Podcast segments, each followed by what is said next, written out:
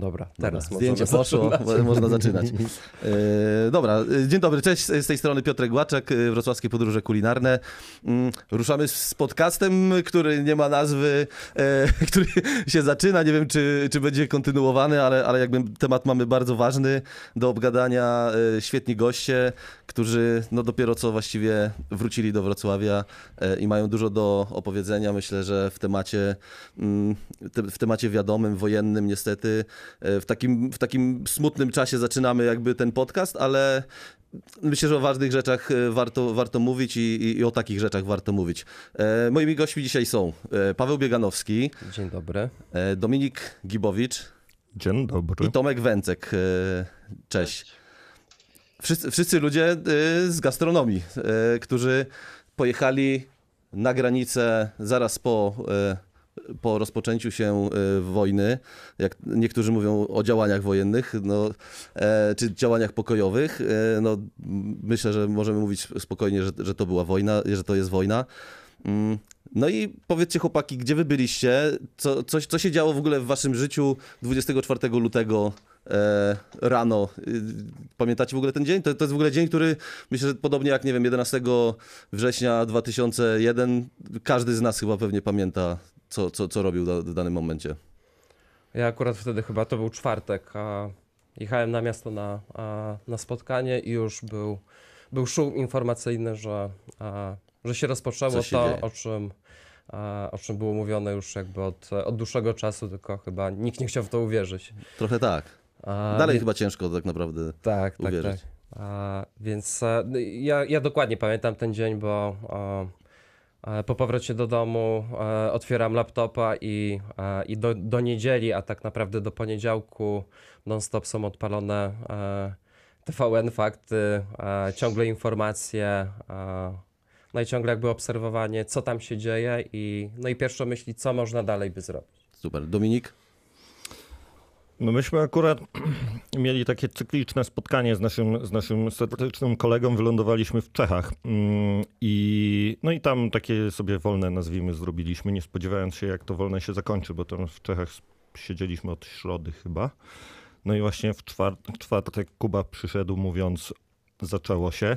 No i w sumie wyjazd został em, lekko em, monotematycznie sprowadzony na, na jedne tory.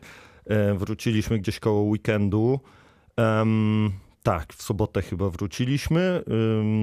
Mieliśmy knajpę otwartą, chociaż o tym może później jeszcze wspomnę. No dobra. Tomek, pamiętasz, co, co się działo ten, ten czwartek realny? Tak, tak, tak. Ja się pakowałem na wyjazd e, na imprezę na urodziny mojego kumpla Radka, który notabene potem do nas dołączył i zrobił super robotę.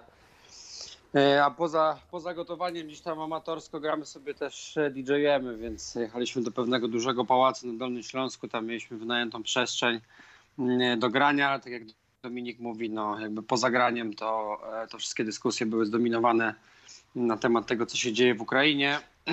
I potem wracając w niedzielę e, w samochodzie dostałem wiadomość od Pawła, czy chce jechać na granicę, bo on się właśnie pakuje. Więc, więc wróciłem do domu, tylko trochę prze, przetasowałem swoje plany, szyki, a potem to już się wszystko potoczyło i ostatecznie spotkaliśmy się wszyscy razem na granicy. Okej, dobra. Y, Ja może jeszcze takie wprowadzenie szybkie zrobię e, o was. No, wy jesteście ludźmi, którzy w gastronomii e, siedzą, siedzą od lat, więc e, jakby te wszystkie działania, które gdzieś tam podjęliście e, pomocowe, no, były związane siłą rzeczy z, z gotowaniem, z jedzeniem, z, z pomocą taką e, jedzeniowo-kulinarną. E, Paweł, były szef kuchni e, Dinet, Tomek e, w sumie podobnie, razem pracowaliście kupę lat. Dominik Rajpstronga, bardzo dobrze znany tutaj w okolicy na Dolnym Śląsku. Mm, No ale jakby myślę, że niestety o, o tych tematach raczej nie będziemy specjalnie rozmawiać. No niestety powiedzcie w ogóle, jak, jak to się wydarzyło, że ta decyzja zapadła o tym, że, że jedziecie pomagać. W ogóle e, z kim się kontaktowaliście? Jak, skąd, skąd ten pomysł się wziął? No w moim przypadku było tak, że e, zacząłem e, w niedzielę obserwować tak już dokładnie media społecznościowe, gdzie jako kucharz albo osoba, która potrafi ciężko pracować albo pomóc w kuchni może się gdzieś przydać. I, a, I, I takich to- ogłoszeń było sporo? a było parę, zaczynało się. Tak, tak, miałem takie wrażenie, że w niedzielę chyba była taka akcja, że futraki mogą jechać na granicę, jakby legalnie gdzieś się rozstawiać, że po prostu ludzie zaczynają to robić, a, że jest potrzebne jedzenie na granicy. I to był taki pomysł, żeby jakby szukać gdzieś w tym temacie, żeby jednak pojechać i zobaczyć, jak jest na granicy, z planem takim dwu- albo trzydniowym. Okej, ale to było raczej tak y, totalnie oddolnie, to, to nie była zorganizowana akcja. Oj, tak, tak. Ja akurat e, zobaczyłem to ogłoszenie od e, chyba z profilu e, Moniki Brodki, która Okej. gdzieś wspierała akcję. Jak oni się nazywali? E, żarcie na kółkach. Okej. E, czyli oni mieli swoje futraki porozstawiane po granicach, a tak naprawdę potrzebowali wolontariuszy, więc e, szybkie ustalenia z, e, z Anią, z moim e, dwumiesięcznym synkiem, była zgoda. E, wysłałem prośbę i po godzinie już było, było zapytanie, czy jutro z jedną dodatkową osobą, jakbym znalazł, mógłbym się stawić w Korczowej na granicy. Super. No ja, ja pamiętam pierwsze relacje takie twoje e, instagramowe, bo, bo zacząłeś to mocno relacjonować, e, na ile czas pozwalał. E, no przyznam, że to były takie obrazki szokujące i mm, mi- mimo, że wiedzieliśmy, że to się dzieje, to, to, to było ciężkie do, do, do wyobrażenia tak naprawdę, że, że, że, że, to, że to jest realne i aż, aż gdzieś tam ciarki mnie przechodzą na samą, na, na samą myśl. E, jak, jakie, jaka była, a Dominik e, i Tomek, jak, e, jak, jak trafiliście na granicę? W naszym przypadku wyglądało to w ten sposób, że jak gdyby wiedzieliśmy, że trzeba coś zrobić, tak? że jakoś trzeba pomóc. E, Przez weekend, mm, kiedy działała nasza knajpa, tak na szybko wymyśliliśmy taką akcję pod, pod tytułem Zupą w Putina i po prostu sam, sam osobiście, co mi się coraz rzadziej, rzadziej zdarza, ugotowałem kilkadziesiąt litrów e, barszczu ukraińskiego który był, o, jak gdyby, który wprowadziliśmy do menu i powiedzieliśmy, że jak gdyby jest totalnie zrzutkowa, to jest, to jest zupa cegiełka i, i stała skarbonka po prostu i można było zamówić ten barsz i wesprzeć, jak gdyby wrzucić jakiś tam pieniądz dowolnej wysokości, a to będziemy przekazywać na polską akcję humanitarną. I tak jak gdyby na tym, nazwijmy, skupiła się nasza pomoc, czy pomysł na pomoc w, w przeciągu weekendu. Em, jako, że w tej chwili na wiosnę nasza knajpka działa tylko w weekendy, czy właśnie wtedy od 1 marca tak naprawdę, marzec, kwiecień to jest dla nas taki czas wyciszenia i trochę remontowy, więc, y, więc y, zastopowaliśmy kuchnię. No i tak naprawdę w niedzielę wieczorem, w poniedziałek rano była taka decyzja, popatrzyłem na, no właśnie, znowu na media społecznościowe, kilka osób ze znajomych, coś już działało i robiło to osobiście na granicy. Zarówno Paweł zaczął coś wrzucać, jak i taka koleżanka, z którą pomagaliśmy już, y, już tam przy, przy okazji innego, e, innej sytuacji dwa lata temu. Jak gdyby e, relacjonowała, że po prostu ludzie są głodni. Nie dość, że są głodni, to jeszcze, e, to jeszcze są zziębnięci, bo trzeba przypomnieć, że to były temperatury może nie ekstremalne, no ale było na minusie w tamtych dniach, No tak. szczególnie w nocy.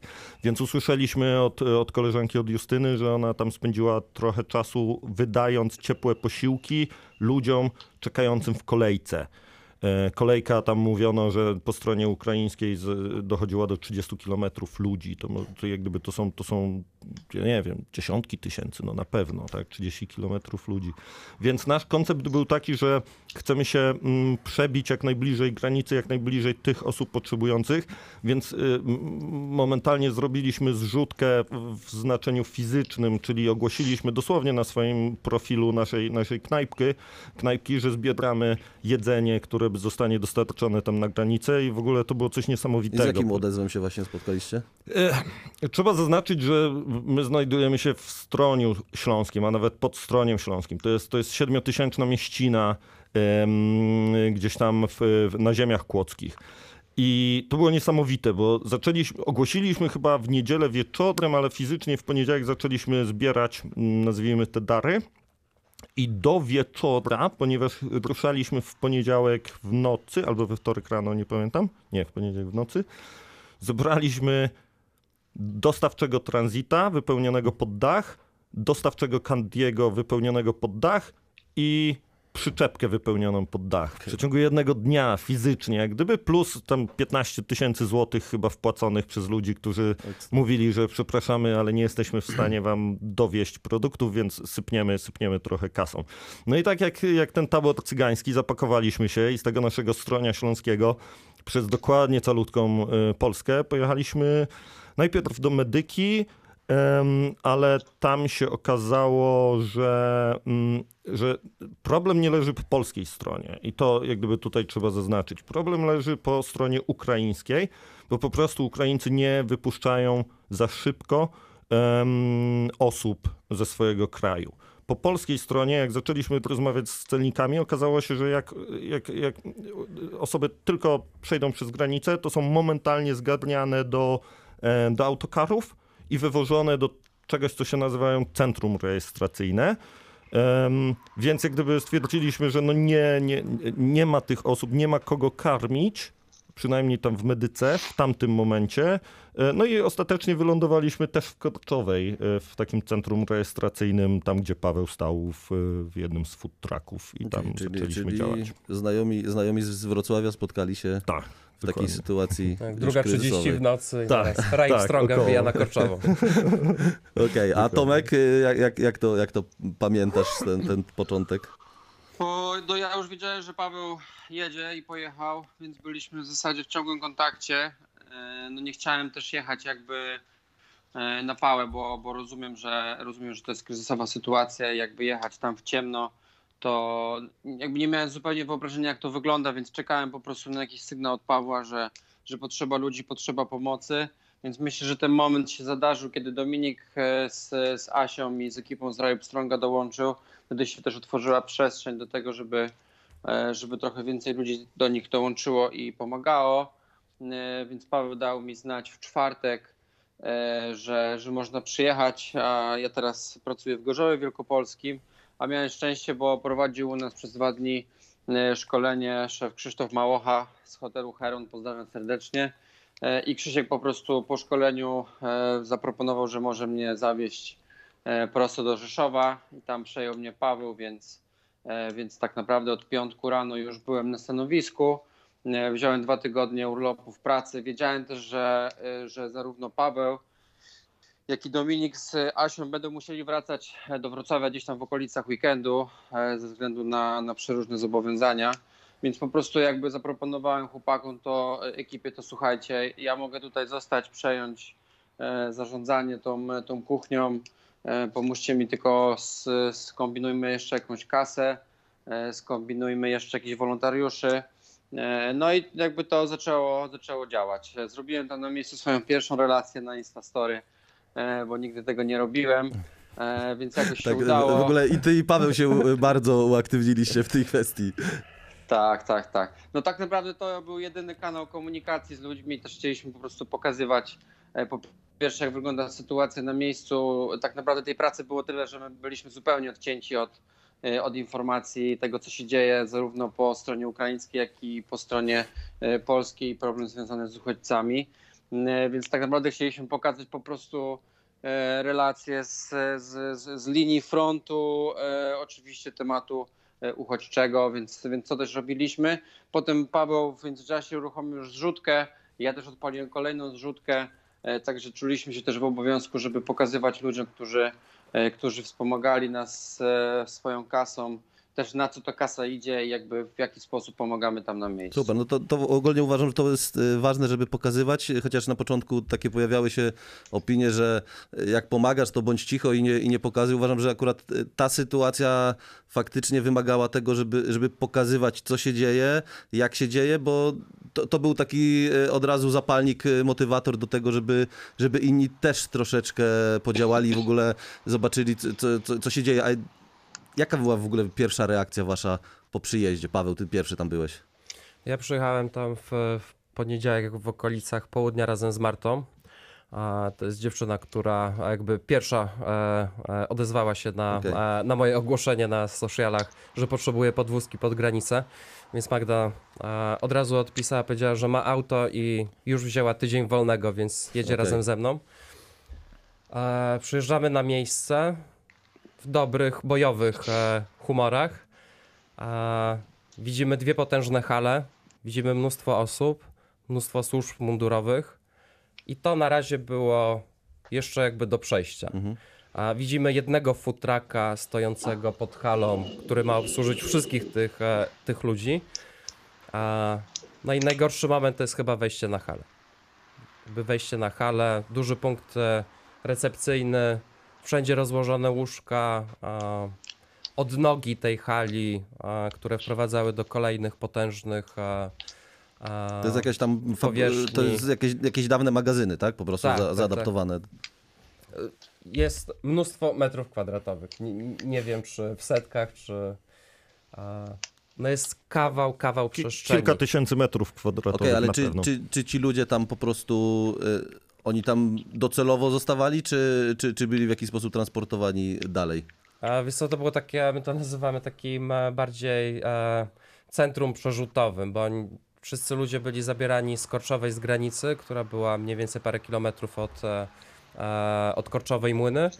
E, byli przywożeni autobusami, wychodzili na tą halę i wtedy już musieli jakby zadecydować, czy zostają na nocleg, czy jadą dalej w Polskę, na Niemcy, na Holandię, a na różne jakby destynacje w, w Europie. Okej, no ciężkie decyzje do, do podjęcia. Jakby w takiej chwili, gdzie okej, z jednej strony jest się bezpiecznym, a, tak, trzeba coś robić a, dalej. a, a z drugiej strony, jak to wyszło podczas mojego już drugiego pobytu w Korczowej, gdzie mogłem bardziej się skupić na, na pomocy na hali, decyzje podejmowane po prostu czasami w parę minut, czy pojedziemy do Kalisza, do Niemiec, do Drezna, do Holandii i co tam nam oferują, bo rozkładają ręce i mówią, że jakby nie wiedzą gdzie. Okej. E, Domino, ty trochę jeszcze przed, przed wejściem naszym mówiłeś o tym, jakie warunki tam panowały i, i jak, jak dużo tych ludzi faktycznie tłoczy się e, na, na tych halach. Czy to ktoś ogarnia, ktoś koordynuje, e, organizuje, czy, czy dzieje się taka typowa partyzantka i, i kompletnie nikt, nikt nad tym nie panuje?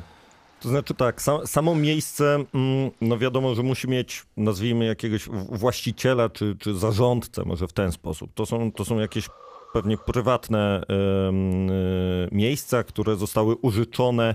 Ja obstawiam gminę, ale nie jestem w stanie tego potwierdzić, bo nikt tego nie wie, jak gdyby. Okej. Nikt nie wie, kto jest właścicielem sensie tematu, tak? Te, te, tym oficjalnie nazywanym centrum rejestracyjnym, ale tak, właśnie ta- takim centrum przerzutowym. Okej, ale w, w jaki sposób tam, nie wiem, te, te łóżka się znalazły, tak? Tak, t- tak, tak, tak. To są, y, te łóżka y, się jakoś znalazły, więc ktoś rozpoczął, ktoś wymyślił jak gdyby to miejsce, tak, ale zaskakujące było to, że na miejscu nie było żadnej, ale to żadnej koordynacji, tak. Y, Jak okej, to wszystko, co się tam działo, to były inicjatywy tylko i wyłącznie oddolne, tak? Tam jak gdyby jednym z głównych takich funkcji była ta mm, y, funkcja, jak to nazwać, kojarzenia y, transportu, w sensie, y, czyli ktoś chciał na przykład zabrać, bo było też oprócz podstawianych autobusów, które na przykład jechały sobie do Wrocławia, tak? I był autobus z wielką tablicą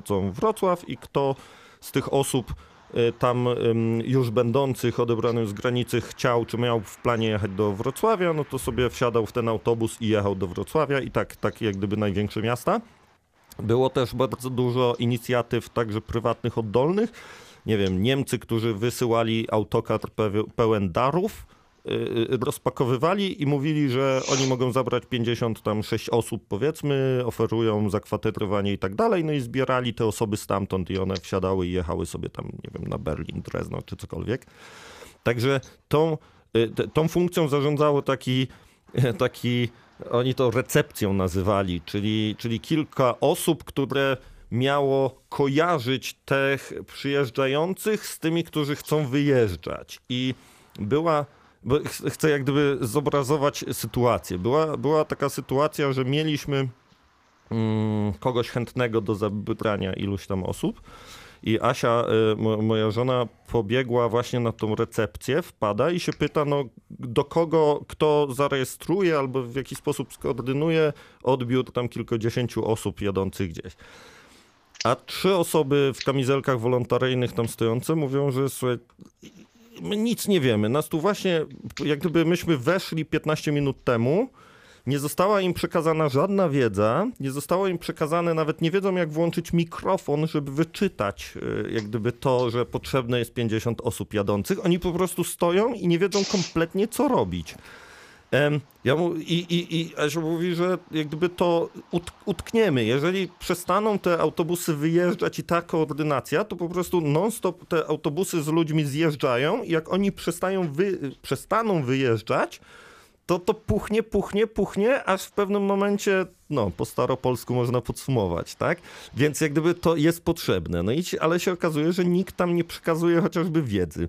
Ja czystym przypadkiem, mając numer telefonu do koordynatora do spraw uchodźców, który dostałem gdzieś, bo wiecie, pomyślałem, że może się jeszcze przydać. Dzwonię do tego koordynatora i mówię, czy koordynatorki, i się pytam, proszę panią, kto zarządza recepcją w, z punktu widzenia organizacji tych przewozów i wywozów, bo jest chaos. I słyszę, że Wie pan co, no nikt nie zarządza, nie ma takiej funkcji jak gdyby, nie ma, ja, ja też, dzwoni pan na mój prywatny numer telefonu, ja weszłam jak gdyby w to zajęcie dwie godziny temu, zejdę po sześciu godzinach i oni nie przekazują żadnej wiedzy, nazwijmy, zadań i organizacji. To wszystko, co tam się dzieje, to jest inicjatywa oddolna i słyszę od pani, że no ale przecież to nie jest filozofia, żeby skojarzyć. Jeżeli ktoś przy, przyjeżdża autobus i mówi, że chce 56 osób z Niemiec, na, do, do Niemiec, no to trzeba wziąć mikrofon i wyczytać, że poszukiwane jest 56 osób chcących jechać Znaczy, na Niemcy. my się z tego śmiejemy, Tak, ale, ale jakby to, to taki śmiech przez, przez łzy troszkę, bo, bo naprawdę i to, i to po prostu... Ja w pewnym momencie wrzuciłem takie ogłoszenie, że bardzo jak gdyby wszelkie ręce mm, są potrzebne do pomocy, ale samoorganizujące się. Nie wiem, czy jest takie słowo formalnie, ale o to chodziło, bo jak gdyby dało się zobaczyć, że i czy nawet odnieść wrażenie, że tam wszystko jest poustawiane, bo kilku wolontariuszy sobie na przykład chodziło, nie wiem, z rękoma w kieszeni. No bo jeżeli ktoś czekał na to, żeby ktoś mu powiedział, co robić, to nie miał nic do roboty, bo po prostu nikt nie wydawał żadnych poleceń. Jeżeli ktoś był w stanie sobie jak gdyby samodzielnie zorganizować, to, to jest miejsce, gdzie mogło spędzać 24 godziny na dobę, nie wiem ile, 10 osób. Po prostu, bo, bo to, są, to są tysiące małych problemów. To, to jest... Te, Korczowa przez Dolinę myśmy szacowali, więc to może nie być dokładnie, ale na podstawie ilości autobusów przyjeżdżających byśmy mówili o, brzydko mówiąc, przemiale w skali 10-15 tysięcy osób dziennie przyjeżdżających i jak gdyby tam, tam robiący przerzut. Myśmy zapasy jedzenia, na przykład tysiąc, ostatnio zrobiliśmy tysiąc y, takich zestawów podróżnych, gdzie każdy dostawał soczek, owoc, y, kanapkę, jeżeli mieliśmy i tak dalej, to te tysiąc pakietów to nam, to nam zeszło, nie wiem, tam w kilka godzin dosłownie, nie? Bo to jest ta, ta skala i no, No, pakiet, więc... pakiety robiło się jakby 24 na dobę, o Tak. ile były produkty, Okej. które sami sobie kupowaliśmy z, z rzutek. Coś Okej, udało to- się to, zawsze yy, zabrać z magazynu. Za, za, zaraz jeszcze właśnie, Paweł, do tego przejdziemy, ale żeby, żebyśmy, żeby nie było, że zapomnieliśmy Tomek o tobie. E, mam nadzieję, że jesteś tam. E, Domino się rozgadał, więc e, musiałeś trochę poczekać, sorry. E, powiedz mi, ty, ty już miałeś jakiś tam obraz pierwszy tego, jak, jak to wygląda, bo pewnie i rozmawiałeś i widziałeś u Pawła czy, czy u Dominika. Co, co ciebie uderzyło w pierwszym momencie, jak, jak, jak przyjechałeś z, na granicę z domu? No my przyjechaliśmy w piątek rano e, z Pawłem, bo Paweł e, w czwartek jeszcze ogarniał zakupy mm, w Rzeszowie, więc, e, więc się s- przespaliśmy w mieszkaniu jego mamy i, i z samego rana pojechaliśmy na miejsce, więc tam od razu wskoczyłem na stanowisko, zmieniłem ekipę z Rajów Stronga, która zaliczyła nockę, no bo to nasze miejsce gastronomiczne, w którym zawsze mieliśmy gorącą wodę na kawę, herbatę i zawsze mieliśmy zupę, działało 24 godziny na dobę. E, więc mieliśmy zmiany nocki, ja wskoczyłem rano, e, więc jakby wydawało mi się wtedy, że to będzie, to będzie jakby główne zadanie. Oni tam w, w perspektywie jednego czy dwóch dni mają, mają pojechać do Wrocławia, e, więc ja zostanę z tym sam.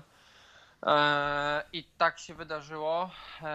Jakby poprowadziliśmy też akcję poszukiwawczą wolontariuszy, bo bez nich jakbyśmy byśmy sobie zupełnie nie poradzili.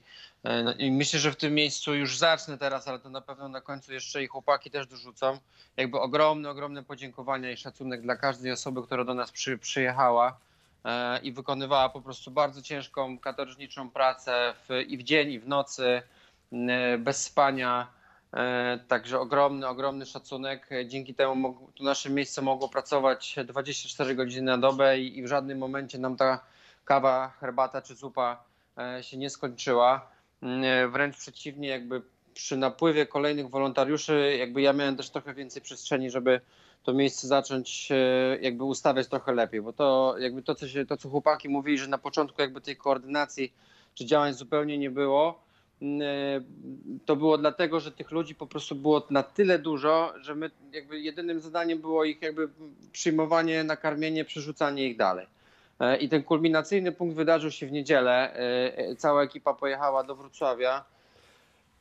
I niestety większość wolontariuszy jakby z całego ośrodka, z całego tego punktu recepcyjnego po prostu pojechała do domu, no bo w poniedziałek każdy ma jakieś zobowiązania, praca, tak. rodzina itp., więc tych wolontariuszy tak na moje oko zostało około 30.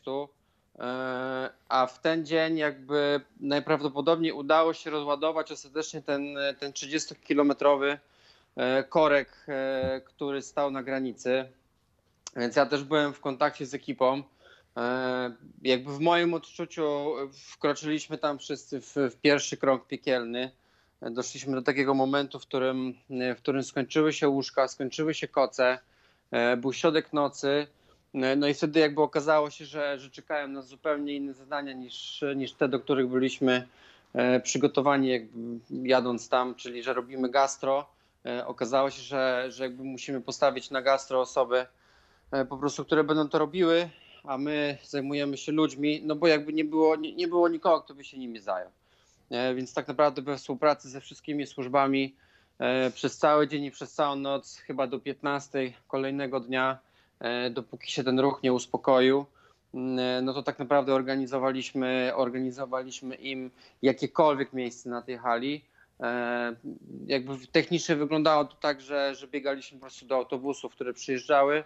E, Szukaliśmy jakby najmniejszych dzieci albo rodzin, które mają najwięcej dzieci, bo to w zasadzie byli ludzie, którzy tam przyjeżdżali, czyli kobiety, e, kobiety, starsze kobiety, babcie i, i, i, dzieci, jedno, dwa, trzy, pięć, siedem, w zależności od tego, jaka, jaka duża to była rodzina. No i po prostu przejmowaliśmy te dzieci, pomagaliśmy im z, z torbami, pomagaliśmy im te dzieci nosić, e, zaprowadzaliśmy do hali, pokazywaliśmy, gdzie mogą coś zjeść, gdzie mogą się napić e, ciepłego napoju i po prostu organizowaliśmy im nawet kawałek podłogi po to, żeby e, po tych e, kilkudziesięciu godzinach e, oczekiwania na mrozie, e, żeby mogli sobie usiąść. No i wprowadzaliśmy ich jakby w sytuację, bo, bo jakby nikt z nich e, nigdzie nie mógł otrzymać informacji, co dalej. E, Bo część z nich chciała jechać e, do Polski, bo mają dziś rodzinę. Część z nich po prostu chciała jechać do Polski, tej rodziny nie mając, ale, ale jakby licząc na to, że konflikt się niedługo zakończy, wojna i będą mogli sobie wrócić. E, A część z nich jakby zupełnie nie miała pojęcia, co się dzieje i zupełnie nie miała pojęcia, co dalej robić. Więc jakby naszym zadaniem było ich uspokoić i, i w takim szybkim, żołnierskim objaśnieniu wyjaśnić, co się tutaj dzieje i jakie są, jakie są możliwości. Okej, ale ty- czy, Mm. czy, czy ja dobrze rozumiem, że my mówimy już o, o, o kilku dniach do przodu i, i tam dalej jakby przyjeżdżają goście z Wrocławia, którzy y, próbują ogarniać, tak? Bo, bo dalej nikogo nie ma y, do, do, do takiego totalnego ogarnięcia tego, co się dzieje. Tak, tak, tak. No i dopiero potem w poniedziałek, jak, e, jak tą całą największą falę udało się rozładować, to ten ruch zaczął się robić jakby coraz bardziej systematyczny i coraz bardziej spokojny. Więc to już przyjeżdżali ludzie, którzy na granicy czekali wtedy 2-3 godziny albo 45 minut, e, więc już wiedzieliśmy, że, że będzie trochę luźniej i dopiero jakby wtedy zrobiła się przestrzeń na jakieś e, przeorganizowanie. Czy to naszej tej sekcji gotowania, wtedy gdzieś tam udało się kolejny namiot e, pożyczyć, udało się to trochę poprzestawiać. E, Ludzie też jakby oddolnie, miejscowi mieszkańcy zaczęli przywozić jakieś gotowe bułki, kanapki, gotowe zupy, które tak naprawdę my tylko wrzucaliśmy na garnek i odgrzewaliśmy, więc to już też nam upraszczało e, naszą pracę, bo nie musieliśmy myśleć o logistyce i ściąganiu e, rzeczy tam na miejsce. No i zajęliśmy się dystrybucją takich podstawowych rzeczy, jak, jak jakaś chemia, taka podstawowa szczoteczka do zębów, pasta, i, i jakieś rzeczy dla dzieciaków, czyli Okej, czyli to e- ewoluowało cały czas od, Tak, jed, od tak, jedzenia tak. już. To, to z każdym dniem się zmieniało. To w zasadzie zaczęło się już e, za, za ekipy e, Pawła, Dominika i Asi.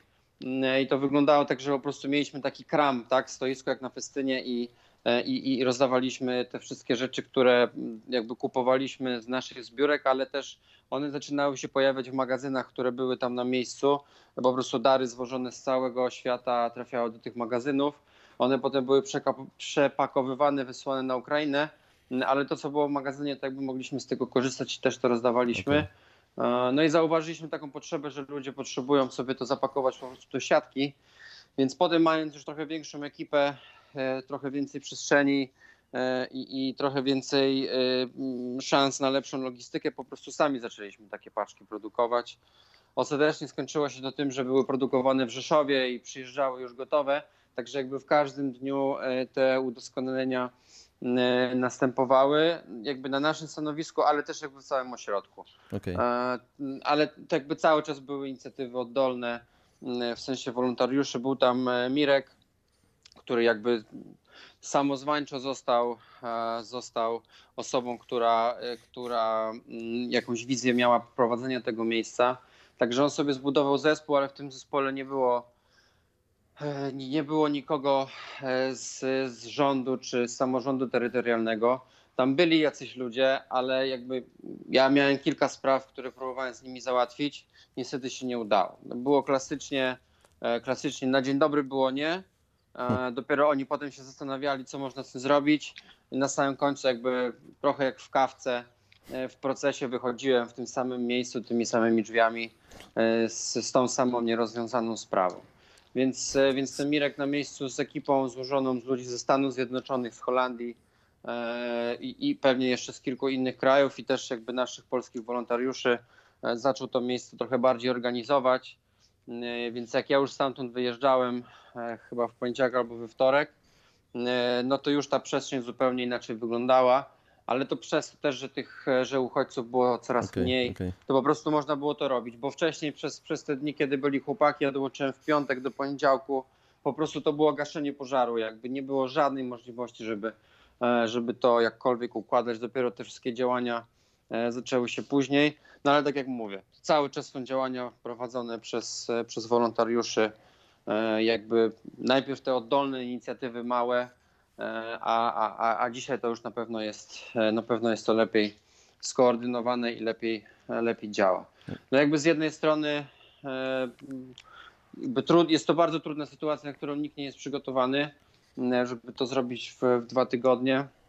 Z drugiej strony, no jakby e, instytucje państwa i rządu e, no po prostu dały tutaj kompletny pokaz indolencji, e, bo kryzys e, związany z Ukrainą, on już trwał od kilku miesięcy, więc zakładam, że na przykład ta hala mogła być wyznaczona jako taki punkt recepcyjny gdzieś w planach jeszcze przed wybuchem wojny, Mm, no ale jakakolwiek organizacja na miejscu to już zupełnie jakby nie, nie, nie, było, nie było jakkolwiek przemyślane i nie było jakkolwiek rozdawane, więc, e, wi- więc wszystko się opierało na, na pracy wolontariuszy, którzy myślę, że nie są przygotowani do takiej pracy, tak? E, Bo ja jechałem tam robić gastronomię, mm, ostatecznie mierzyłem się z problemami ludzi, e, co do których jakby nie mam. mm, To, to jest pomo- pomoc taka intuicyjna, tak? Ale, My- ale my- Myślę, że się, nikt z nas jakby nie, nie, po pierwsze nie spotkał się z taką sytuacją nigdy, a poza tym no nie ma kompetencji do tego, żeby e, przyjąć na siebie ciężar, ciężar problemów tysięcy ludzi tak naprawdę. No Dokładnie, to, to... Więc, więc tą pracę, którą my tam wykonywaliśmy w środku, nie gastro, tylko, tylko pomoc ludziom bezpośrednio, załatwianie ich problemów, to myślę, że to jest praca dla psychologa policyjnego i wojskowego, który jest przygotowany na, na bardzo skrajne, kryzysowe sytuacje, no ale robili to wolontariusze po prostu. Bo, ta, bo takowych myślę. nie było na miejscu. Ani jednego, Tak. prawda? Okej, a y, ja jeszcze do tego wrócimy na pewno za chwilę, bo to, bo to jest jednak y, ogromnie ważny y, temat, jeśli chodzi o, o samą tą traumę. Natomiast y, ja chciałbym jeszcze pociągnąć jednak ten temat trochę jedzenia y, ze względu na to, powiedz mi Paweł, jakie ty miałeś wyobrażenie jadąc tam, że będziesz, nie wiem, gotował gar rosołu, nie wiem, robił grochówkę, czy, czy, czy miałeś w ogóle jakieś wyobrażenie, co możesz tam zastać? Nie, tak, takowego wyobrażenia nie miałem. A jakby jechałem, żeby, a, żeby po prostu pomóc. Okej. A, Czyli nie, mia, nie żeby, miałeś żeby planu... robić e, co- jakby cokolwiek. E, z- Pierwszego dnia zostałem e, 70-litrowy gar rosołu, który był, e, był mieszany z warzywami. Do tego Marta wymyśliła, że można robić tosty zamiast zwykłych kanapek i na początku na tym się opieraliśmy. Okej. Każdego dnia w każdym miejscu było coś jakby ekstra dorzucane. Jakby, by, był potrzebny ten czas. A nawet pakowanie jakichś słodyczy też pierwszego i drugiego dnia.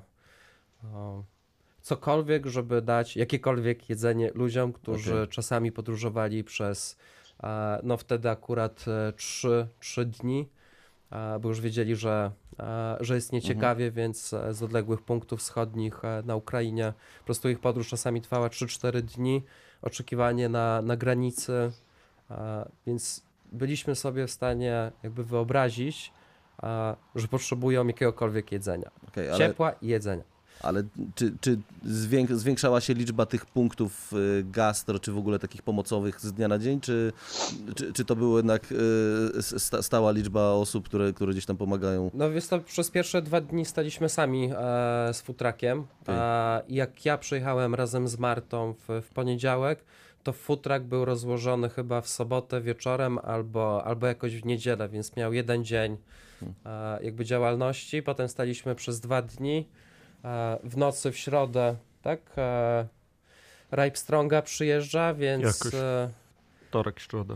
Jak- Więc nie, wtedy wtorek. my z Martą zawijamy się na zakupy, kończymy jakby pracę w futraku, jedziemy wydać pieniądze, które uzbieraliśmy, a Ripe Stronga rozkłada się z namiotem i tak wydaje mi się, że, że każdego dnia była jakby informacja, że burgery przyjechały, Holendrzy Tak. przyjechali, Mhm. kolejny namiot dostawiony i kolejny namiot, więc jakby w też, przeciągu tak tygodnia cała taka, cały taki ciąg e, gastronomiczny się Okej. stworzył To, przy, to, przy to, to ciekawa też y, to, co mówisz, y, powiedziałeś, wspomniałeś o, o, o ludziach z Holandii, którzy przyjechali. Myślę, że możecie powiedzieć, e, jaka była sytuacja. To też, to też, to też ciekawe, że e, ludzie no, z tak, z tak e, odległego w sumie dla nas kraju przyjechali z, z ciekawą ofertą gastro, można powiedzieć.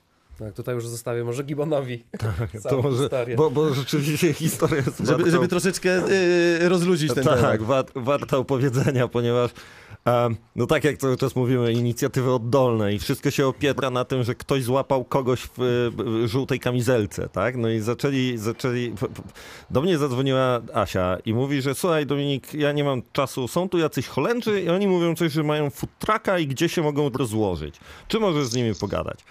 No to łapię Holendrów, pytam się w czym, w czym rzecz, no mówi, I, że... wchodzi, wchodzisz, rozumiem, w rolę y, ogarniacza. Tak, doko- dokładnie, dokładnie, bo, ponieważ mówię po angielsku, tak? To, to jest jak gdyby atut, który spowodował, że w ogóle zostałem tam wciągnięty w tą dyskusję. No i, i chłopaki mówią, że oni są takim jakby food truckiem, mm, no i chcą się gdzieś za, rozłożyć. Ja mówię, no słuchajcie, jeżeli szukacie koordynatora, właściciela, to nie znajdziecie, więc postawcie się albo tu, albo tu, albo tu. No tak naprawdę gdzie jest skrawek wolnego, wolnego miejsca.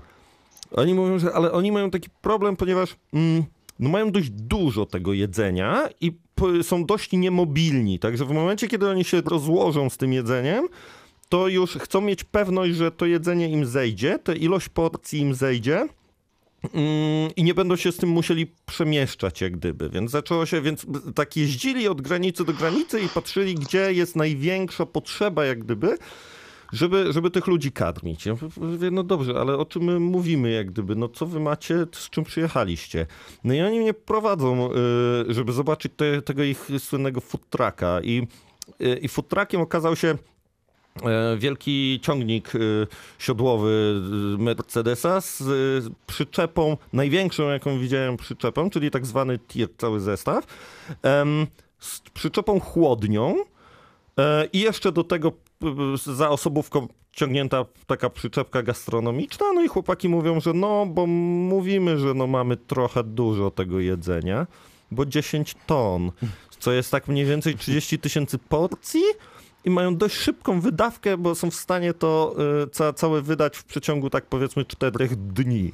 Okej, I, i, co było na tej pace? I na, na, na pacy były, y, skumplowaliśmy się oczywiście z Holendrami, wziął nas na, na obejście przyczepy, ponieważ jak gdyby jak w momencie, kiedy otworzyli tą śluzę, to zaczęli normalnie mieli z sobą wózek widłowy i paletami zaczęli wyciągać całe jedzenie. No i jak się trochę oporządzili, no to wzięli nas mm, na, na przejście po tej naczepie, no i pokazuje paluchem. I mówi, steki, steki, steki, steki, steki. E, e, jak gdyby mówimy o ilości palety, palety, nie porcje, palety. Steki, steki, steki, steki, steki. 42 butle z gazem do grilla, steki, steki, steki, steki. 3 tony frytek, steki, steki, steki, steki. Ja mówię, ale słuchaj, to muszę o to zapytać, ile to jest warte w ogóle? Ile, jak gdyby, co to jest? Gość mówi, że no, tak szybko policzył, mówi 150 tysięcy euro. Jest na tej przyczepie, y, jak gdyby do rozdania. I chłopaki jeździli w ogóle po wszystkich tych granicach, czy tam nie wiem, po, po kilku, tym wielkim tirem i usiłowali znaleźć miejsce, gdzie to będzie naj, jak gdyby najbardziej potrzebne. Mm, I oczywiście to także była pomoc po prostu właściciela firmy, y, która dostarcza tego typu produkty i mm, ktoś pracował u kogoś i tak dalej i zrobili hasło, facet ponoć zapytał tylko kasa czy towar, oni powiedzieli no to może towar, to pojedziemy sami i ogarniemy na miejscu. No i dał im tira z 7, 7 ton steków wołowych, tak? Piękne. No i, i, Tak, i ale tak potem dojechały też inne rzeczy, prawda? Tak. Bo, Oka- już od nich potem do pakietów pożyczaliśmy, Tak, tak, tak. braliśmy od nich, bo... okazało się, że to był pierwszy tir. Pierwszy Był- food truck. Tak, pierwszy food truck ro- chyba z trzech. e, Dokładnie. Ciekawy. No dobra, ale powiedzcie mi, e, Tomek, może, co by się wydarzyło, gdyby nie było was, tych Holendrów, e, tych ludzi, którzy zostawili e, żony, mężów, dzieci w domu? Co, co by się wydarzyło tam na miejscu? Wiesz co, no boję się nawet myśleć e, nad odpowiedzią na to pytanie. Myślę, że, że jakby cały problem uchodźców na dzień dzisiejszy e, rozbija się o wolontariuszy, tak? Czy na granicy, czy to w miastach, czy, czy, czy osób takich jak ty, które, które jakby cały czas wykorzystując swoje możliwości e, prowadzi akcję mm, zbierającą kasę albo organizującą. Ty też w pewnym sensie jesteś koordynatorem tych wydarzeń. Mm, Gdzieś tam puszczasz informacje w świat. E, Czy, czy kończąc na ludziach, którzy oferują kawałek swojego mieszkania dla, e, dla uchodźców. I, I myślę, że cała pomoc e, po prostu jest oparta mm, właśnie na takim narodowym, narodowym zrywie. Myślę, że, że nasze państwo też w jakiejś formule zacznie pomagać. No ale niestety instytucje publiczne i biurokracje, jakby one potrzebują czasu, żeby, żeby cokolwiek jakby zaczęło, zaczęło tutaj działać. E, No moje obawy są dosyć spore, bo porównując to do, e, do sytuacji w Turcji sprzed 8 lat, kiedy, kiedy Turcy przyjmowali e, uchodźców z Syrii mm, i, i tam sytuacja była dokładnie taka sama, czyli, czyli zryw narodowy, E, Turcy pomagają, e, instytucje rządowe też e, jakby starają się stanąć na wysokości zadania. E, Dzisiaj po 8 latach e, jakby ten problem emigrantów, problem uchodźców jest jedną ze składowych ich problemów gospodarczych, czyli, czyli wysokiej inflacji, wysokiego bezrobocia, spadku wartości waluty. E, I jakby jest tutaj tylko jeden taki mały szkopów w tym porównaniu. To, co liczbę którą, uchodźców, którą my przejęliśmy w dwa tygodnie do Polski, to do Turcji wpłynęła przez dwa lata. Także myślę, że mierzymy się jakby z bardzo ogromnym e, problemem. Myślę, że jeszcze sporo ludzi nie zdaje sobie z tego sprawy. Jeśli dobrze to rozwiążemy, to w perspektywie czasu jakby to są duże korzyści, tak? Pojawiają się nowe dzieci, e, jakby trzeba im dać szkołę, edukację. E, Oni w którymś momencie na pewno częściowo będą się czuli Polakami. Ale to już nie jest misja jakby dla wolontariuszy, tak? którzy na dzień dzisiejszy w trzecim czy czwartym tygodniu niedługo się zaczynającym mm, wojny i problemu z uchodźcami po prostu zaczynają się wypalać. Tak? Ja po 10 dniach jakby chciałem, miałem plan, żeby zostać jeszcze kilka dni dłużej, ale po prostu doszedłem do momentu, w którym e, w którym zobaczyłem, że ja już tam jakby nie jestem w stanie nic, nic zrobić i, i ani nie jestem w stanie już koordynować, ani nie jestem w stanie e, organizować, ani nie jestem w stanie pomagać. Więc jakby po prostu byłem już na tyle zmęczony strukturalnie, wewnętrznie, że, że uznałem, że muszę jechać do domu, bo, bo jakby pomoc w takim, w takim wymiarze dalsze nie ma po prostu sensu. No, ja, ja przyznam, że ja byłem tylko chwileczkę tam na jednej z tych granic i e, no myślę, że z trzy dni zajęło mi jakby dojście do siebie, e, i chyba dalej do tej pory zresztą nie doszedłem tak naprawdę w 100% e, ze swoją głową e, do, takiego ładu e, po tym, co zobaczyłem przez chwilę. Wy byliście tam kilkanaście dni no, nie chcę sobie nawet myśleć, e, co widzieliście, ile, ile, ile dramatów e, ludzkich. No i właśnie, czy to się da wymazać z pamięci, czy to się, czy da się z tym funkcjonować przez chociażby te najbliższe dni po powrocie? Paweł? No właśnie, to jest dobre pytanie, bo e, jesteśmy z Martą przez, e, przez pierwsze 5-6 dni. E, zbliża się godzina wyjazdu. E, zaczynamy sobie przybijać piątki, że jest jakby ok. Tomek e, ma jakiś wolontariusz, wolontariuszy z Rzeszowa, przeżyje ten weekend, potem ma ktoś przyjechać. Rajf Stronga tak samo ma się zawijać. Robimy sobie fotę wsiadamy z, z Martą e, do auta i powinna być taka jakby super mega satysfakcja, która e, gaśnie w momencie, kiedy zamykamy drzwi i mijamy szlaban e, z, z obstawą policji i wracamy do, do Wrocławia. No i są takie myśli, że mm, no jest ciężko, no jakby a, widzimy ile pracy włożyliśmy, widzimy ile jeszcze jesteśmy w stanie włożyć, a, no i pojawia się taka myśl, że e, chciałbym tam wrócić, tak? Ja rozmawiałem z wolontariuszami z Wrocławia, e, którzy tutaj działają i e, oni działają na takich krótkich e, odcinkach typu 3, tam 4 godziny i oni mówią, że za każdym razem wyjście stamtąd wiąże się z tym, że już pojawia się myśl, że kiedy jest następna moja zmiana, bo masz to poczucie, że kurczę, ja tam muszę być i, i, i, pomagać. To w jakiś sposób takie Tak, i uzależnienie niemalże od... Wiesz co, od i tak, i tak na pewno jest. Jest jakby potężna adrenalina, widzi się jakby ogrom włożonej pracy, ale też dochodzą myśli, co i kogo musiałem zostawić e, we Wrocławiu, jakim to jest kosztem dla mnie. Jest zgoda, żeby wracać, tak? Są pozytywne myśli, ok, to działamy dalej. Na miejscu praca już troszkę inaczej wygląda, bo stoiska są obstawione można zobaczyć z drugiej strony, jak naprawdę pomaga się ludziom. No i w moim przypadku, jakby ja doszedłem do, do momentu po, po kolejnych pięciu dniach, e, że już miałem dość. Jakby gdzieś spotkałem się przez ostatnie dwa dni naszego pobytu, e, jakby z taką e, dużą bezradnością. E, wydawało mi się, i to jest chyba też nie tylko moje zdanie, bo i mojego brata, Tomka brata, którzy tak samo do nas dołączyli, e, Gibona brata. E, na miejscu zero organizacji, tak, o której mówiliśmy, ale przynajmniej nie utrudniajcie nam pracy, którą wykonujemy jako wolontariusze, bo my chcemy pomóc, a, a z tym się jednak jakby gdzieś, gdzieś zaczęliśmy spotykać. Okej, a jakby to taka, wiesz, czym się to objawiało? brak pomocy ze strony żołnierzy, e, robienie rzeczy na złość. No, no nie Tak. wiem, no sytuacja, wiesz, jest czwarta rano, tak? Rozkładasz prycze dla rodziny sześcioosobowej i rozkładasz to w wolnym miejscu, które sobie sam znalazłeś, bo widzisz, że, że jest e, średnio z miejsca. Rozkładasz te prycze, stoi żołnierz przez cały jakby czas rozkładania tych pryczy, a po rozłożeniu szóstej podchodzi do ciebie i mówi, że dowódca powiedział, że tutaj nie można że trzeba je przenieść tam 20 metrów dalej. Wiesz, dalej ci nie pomaga.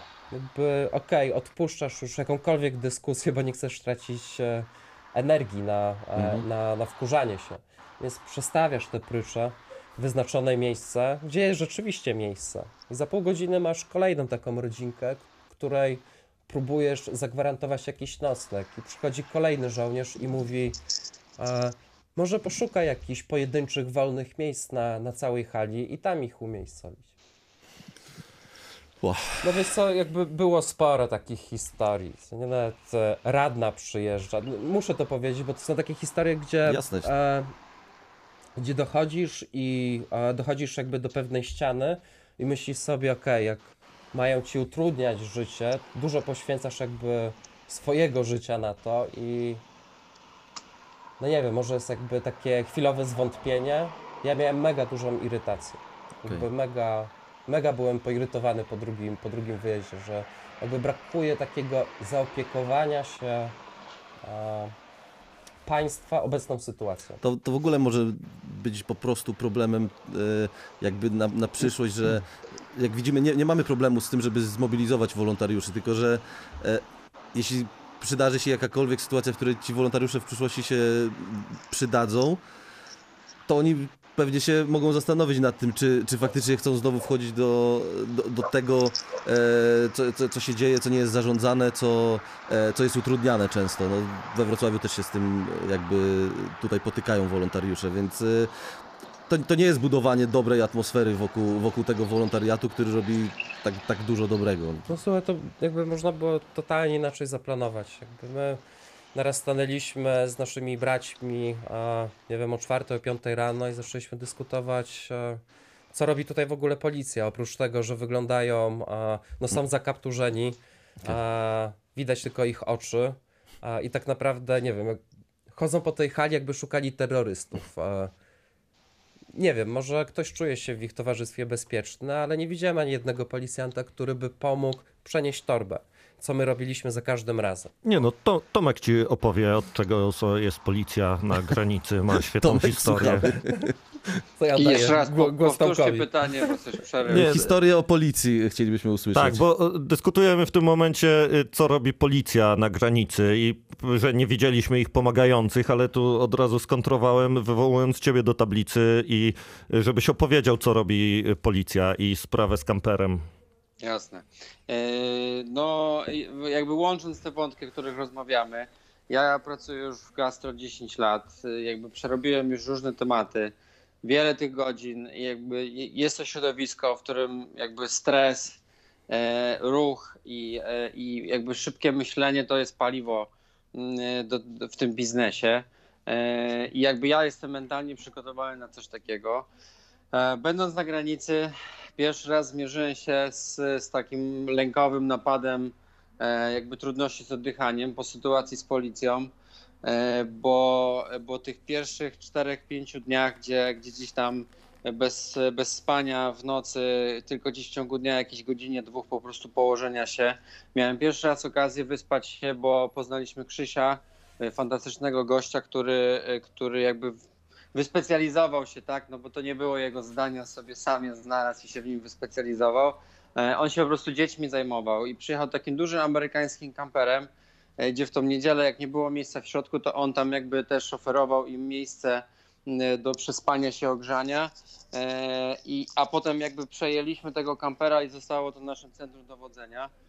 I tam miałem pierwszą noc, którą mogłem się przespać. Położyłem się jakoś wieczorem koło, koło 11. No niestety nie mogłem, nie mogłem zasnąć. Przez całą noc miałem majaki, e, bo, bo, bo ciągle przed oczami wędrowały mi te kobiety i te dzieci mm, i ich problemy. Mm, Po czym gdzieś tam nad ranem e, po prostu wpadła do nas policja, świecąc latarkami e, i, i jakby krzycząc na nas, co my tu robimy, kim my jesteśmy. Mm, No, gdzieś tam każdy wy- wybudzony po prostu w nocy, jakby nie był w stanie się bronić. E, Jakby mówiliśmy, że jesteśmy wolontariuszami, pokazywaliśmy nasze kurtki. E, Cała interwencja jakby trwała 15 minut. E, Oczywiście wszystko jakby w bardzo niekulturalny sposób, bez żadnego przeproszenia, bez żadnego podziękowania, po prostu nic, tak? Policjant przeszedł, poświecił latarkami, gdzieś tam zaczął dyskutować, jakby pytać jednego z kolegi, dlaczego jest taki przerażony. Mm, Po prostu jakby kompletne, kompletne, absolutne nieprzygotowanie do, do sytuacji, z którą oni się, e, oni się mieli e, zmierzyć. Mm, No więc jakby po tym już całkowicie straciłem szacunek do tej służby, która tam była na miejscu. E, A to byli policjanci z prewencji, tak? Więc jakby od nich e, nie, nie, ma co za dużo oczekiwać. Z drugiej strony, no jest to przedstawiciel e, Rzeczpospolitej Polskiej, powinien reprezentować e, to państwo najlepiej jak potrafi. No powinien minimum, po- minimum powinien empatii chociaż to. Tak, powinien pomagać i służyć, tak? Jakby oni tam sobie przyjęli jakąś rolę e, po prostu strażników w Korczowej i, e, i, i taką sobie rolę znaleźli, tak? No bo zakładam, że też nikim nie, nie zrobił im zebrania i nie powiedział, jakie są ich zadania. Ale to, też, każdy- ale to też ciekawe, bo ktoś ich jednak oddelegował tam, tak? No, to, to pokazuje, że e, można było podejmować pewne działania, żeby, żeby jednak pomagać, tak? No to Myślę, że można było i to się działo w Straży Pożarnej. Jakby tutaj absolutny szacunek e, i, i, e, i ukłony dla, e, dla strażaczek i dla strażaków, bo były też na miejscu cztery dziewczyny z, z Wyższej Szkoły Pożarnictwa w Warszawie, to studentki pierwszego roku. I oni tam naprawdę robili niesamowitą robotę. Jakby zajmowali się koordynacją autobusów, tych przyjeżdżających, tych wyjeżdżających, jakby pomagali się odnaleźć ludziom, pomagali z torbami, pomagali z dziećmi, jakby w każdej sytuacji po prostu byli. Potem weszliśmy z nimi w komitywę i produkowaliśmy im te pakiety.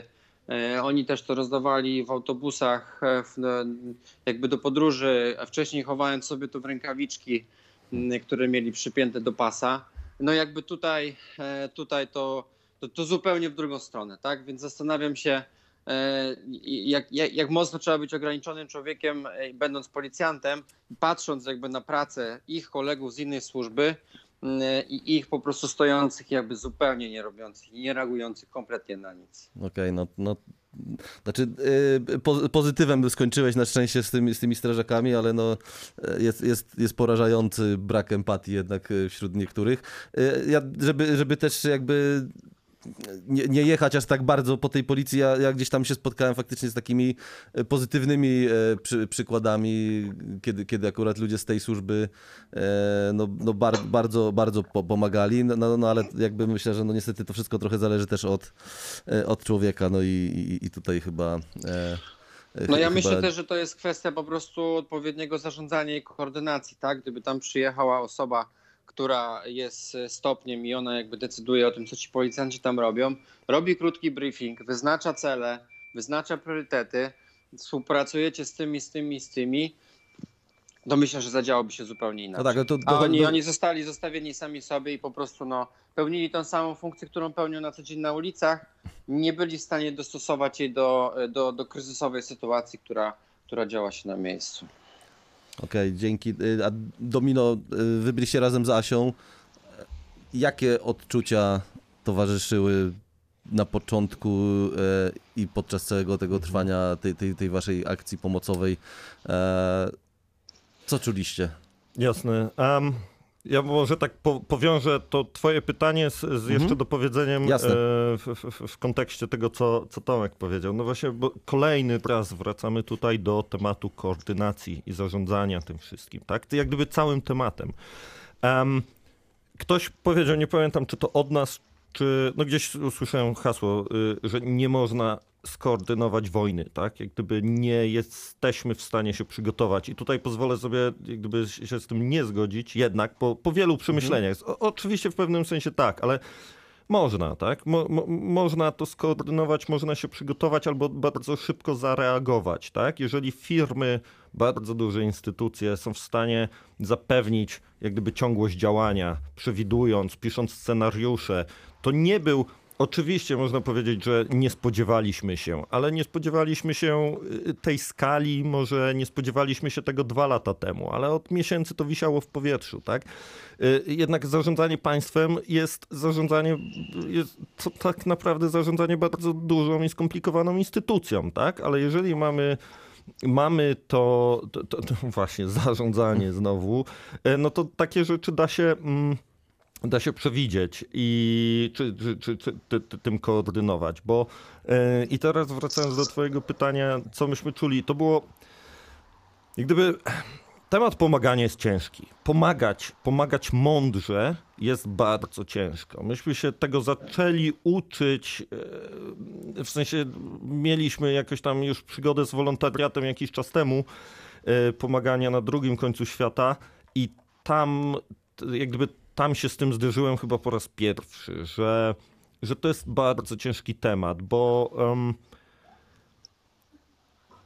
ciężko jest, jest pomagać, nie będąc do tego przygotowanym i nie mając narzędzi, tak? Y, Narzędzi i wiedzy, i pomysłu, i strategii.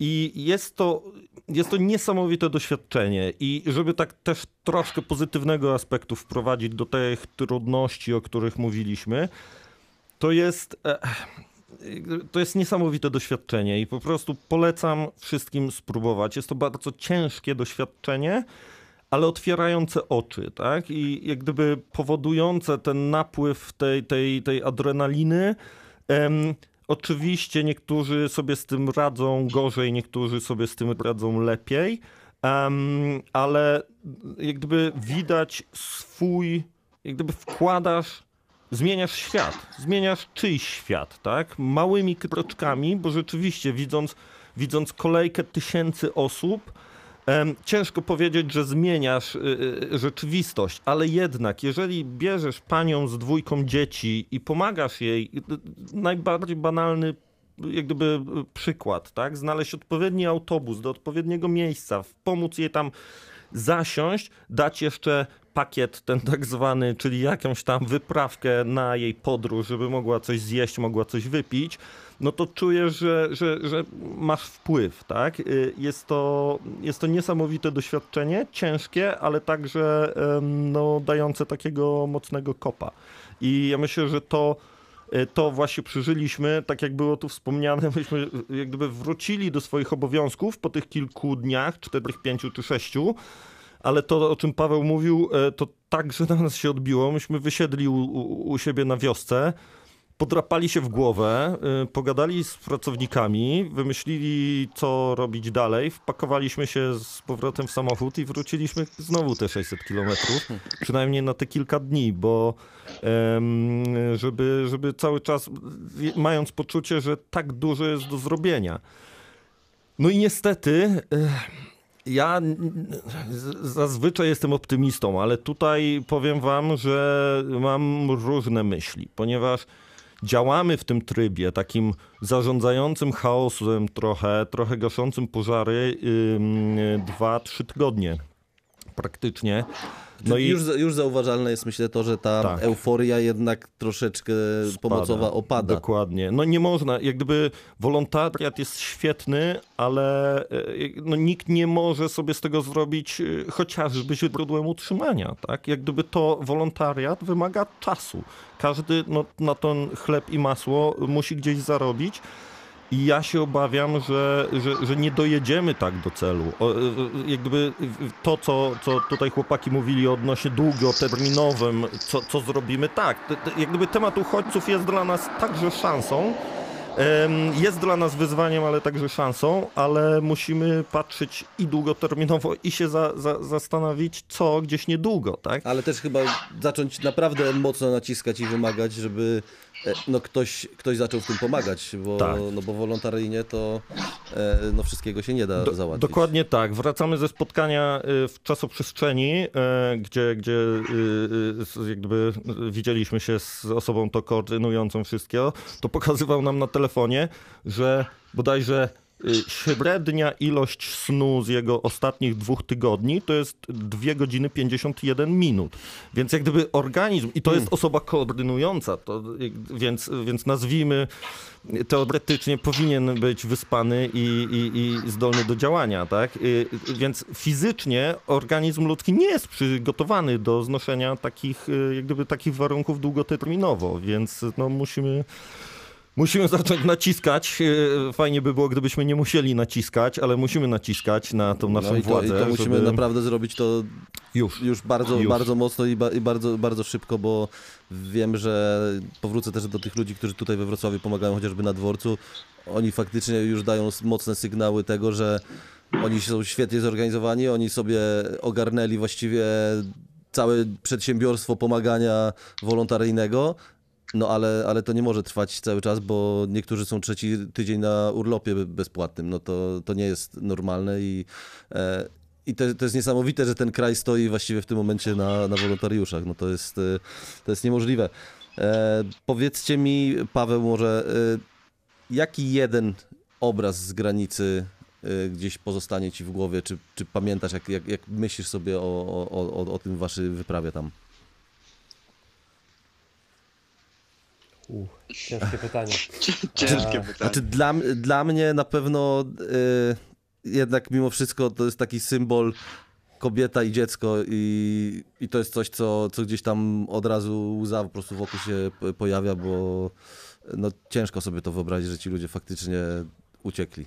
Wiesz na pewno, na, e, na pewno ten drugi przyjazd na granicę e, zapadnie mi w głowie na, na długi czas. Jakby tak jak wcześniej wspominałem, już zupełnie inne obowiązki, zajmowanie się ludźmi, chociaż tak jak to już było wspomniane, nikt nie został e, ani przeszkolony, ani nikt nami się nie opiekował, więc e, no, tak naprawdę e, szybkie rozkminianie ich problemów, ale no, no pierwsza osoba, która no taka chyba, chyba, chyba rodzinka, e,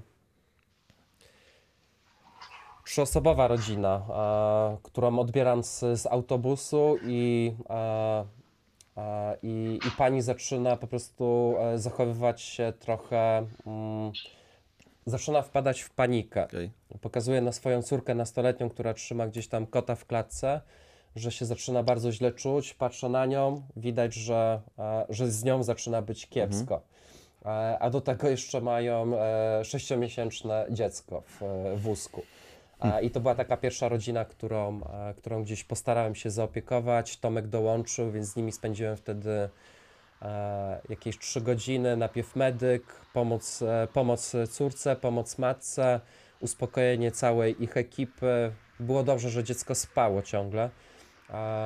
Rozkminianie, gdzie dalej mogą pojechać i jakie mają kontakty w Polsce i się okazało, że po prostu trafili nie na to przejście graniczne, tylko e, mieli trafić na przejście, które było kilkadziesiąt kilometrów dalej, więc e, trzeba poczekać. E, jedzie do nich polska rodzina, która przez następne, oni chyba sobie nie zdawali z tego sprawy, ale e, mieli tam tylko mieszkanie na kolejne dwa albo trzy dni i dalej gdzieś musieli jechać.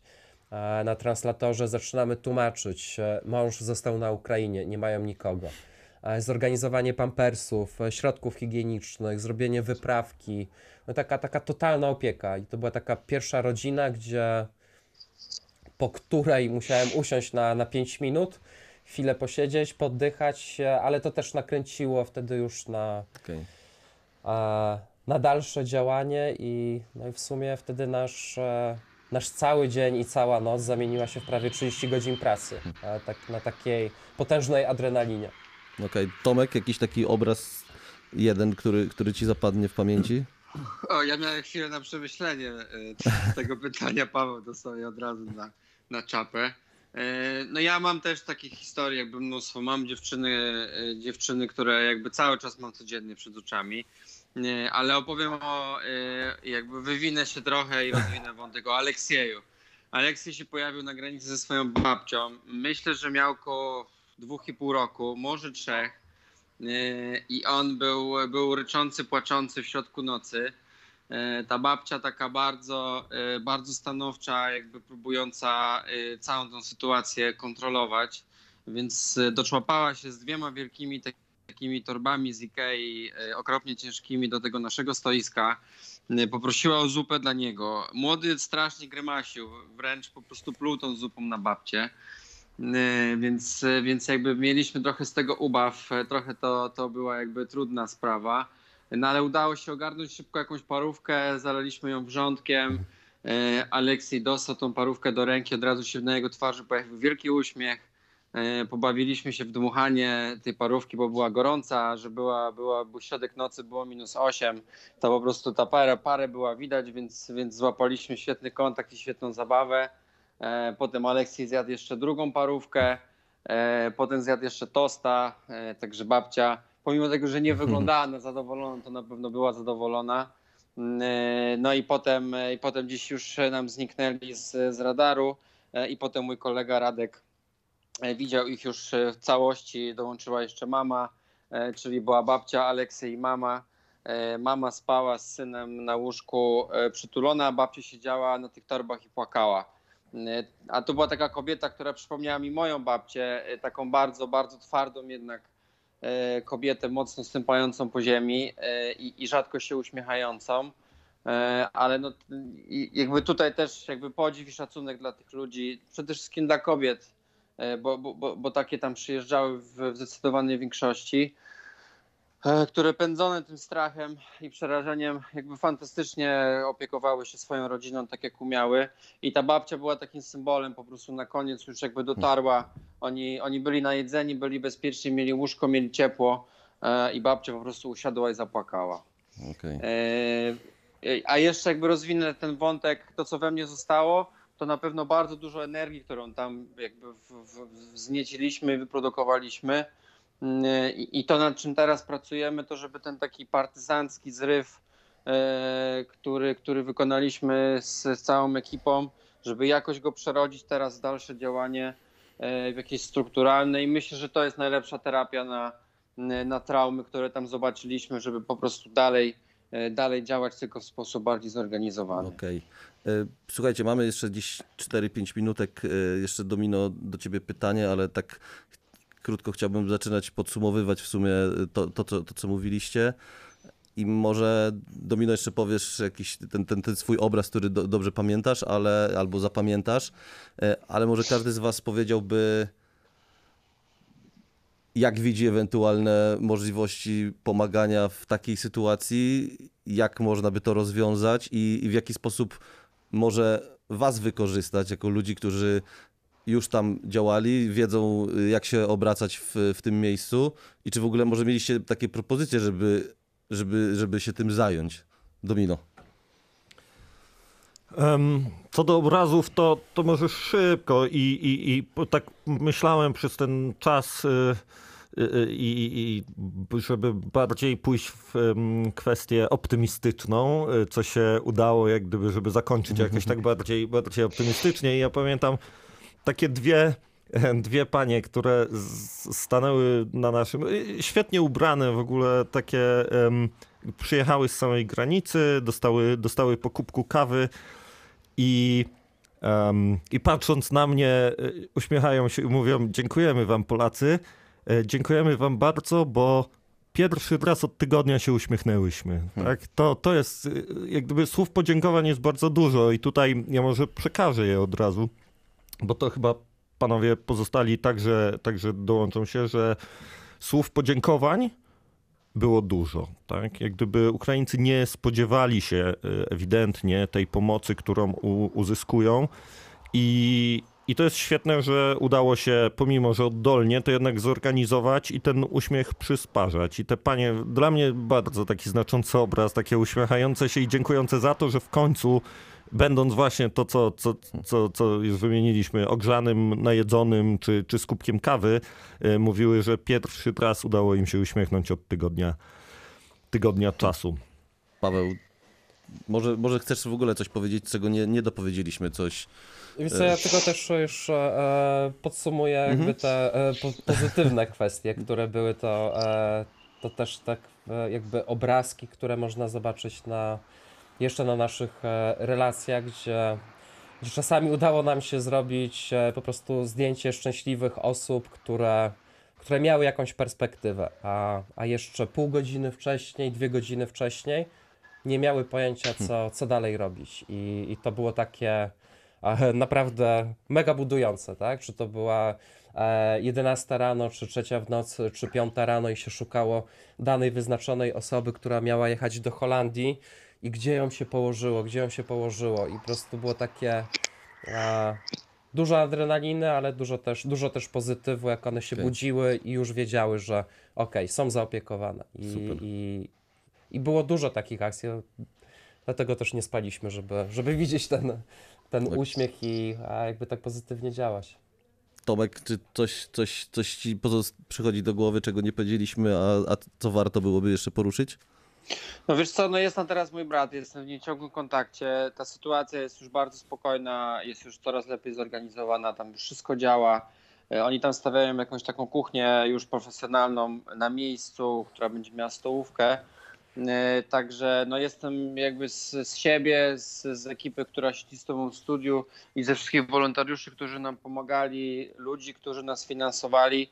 Jestem bardzo, bardzo dumny bo pojawiliśmy się w odpowiednim czasie, w odpowiednim momencie, kiedy, kiedy ta największa fala przyszła mm, i, i robiliśmy co możemy, żeby to ogarnąć, a, a dzisiaj y, jadę z moją rodziną nad morze na weekend, żeby trochę przewietrzyć głowę i zrobić miejsce na, na myślenie właśnie takie systemowe, co dalej, tak?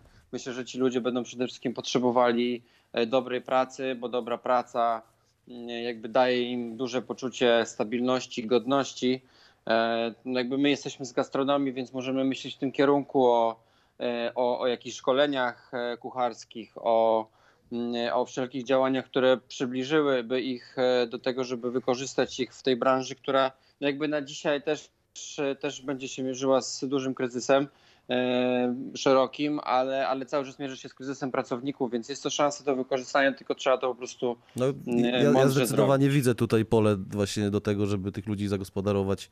E, wiadomo, wiadomo, że to są głównie kobiety mimo wszystko, ale, ale, ale no jednak oni, e, mo, można, można ich zagospodarować, bo to gastronomia i tak e, cały czas e, narzekała na braki kadrowe, więc Dokładnie chociażby, tak. chociażby tutaj. E, Słuchajcie, ja mam do przekazania e, dla was i od siebie i, i- od ludzi, którzy zadawali mi pytania do was po prostu podziękowania za, za, jakby za, za to, co robiliście i, i w sumie jak rozmawialiśmy też e, tutaj, jak Dominik, Paweł mówili, e, właściwie tutaj na miejscu się nie zatrzymujecie i cały czas e, próbujecie działać i, i pomagać e, tutaj na miejscu, w czasoprzestrzeni, czy w, in, w innych punktach. E, Paweł gdzieś tam wspominał o, o food truckach, które ewentualnie tutaj mogłyby też e, karmić we Wrocławiu e, uchodźców. No, po prostu dzięki i, fajnie, że, że, że, że to się tak zadziało, jak się zadziało, aczkolwiek no myślę, że na długo zostanie wam to i wszystkim nam w pamięci, co, co, co, się- co się wydarzyło i co zobaczyliście. Czy coś jeszcze chcielibyście powiedzieć?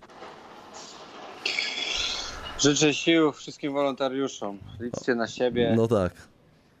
Grupujcie się, odpoczywajcie, tak? Bo, bo, bo wypoczęty wolontariusz to skuteczny wolontariusz. I żeby, też zadbajcie o siebie. i żeby ktoś tam na, na górze może poszedł po rozum do głowy, chociaż e, chyba będzie ciężko. Dokładnie. Dobra, dzięki wam chłopaki. E, No myślę, że, myślę, że w jakiś sposób przedstawiliśmy troszeczkę i nakreśliliśmy to, to, co się działo na granicy, to, co widzieliście, te smutne, te trochę przyjemniejsze rzeczy. Dzięki wielkie jeszcze raz i, i, i- do usłyszenia. Mam nadzieję, że nigdy nie będziemy musieli powtarzać tej, tej rozmowy, ale, ale już chyba po ostatnich dwóch latach nie, nie możemy mówić, że, że coś się nie wydarzy. Niestety. Zobaczymy, co przyniesie jutro. Dokładnie. Dzięki wielkie i do, do usłyszenia. Paweł Bieganowski, Dominik Gibowicz i Tomek Węcek. Dzięki. Pozdrawiam. Dzięki, Dzięki. wszystkiego dobrego. Okej.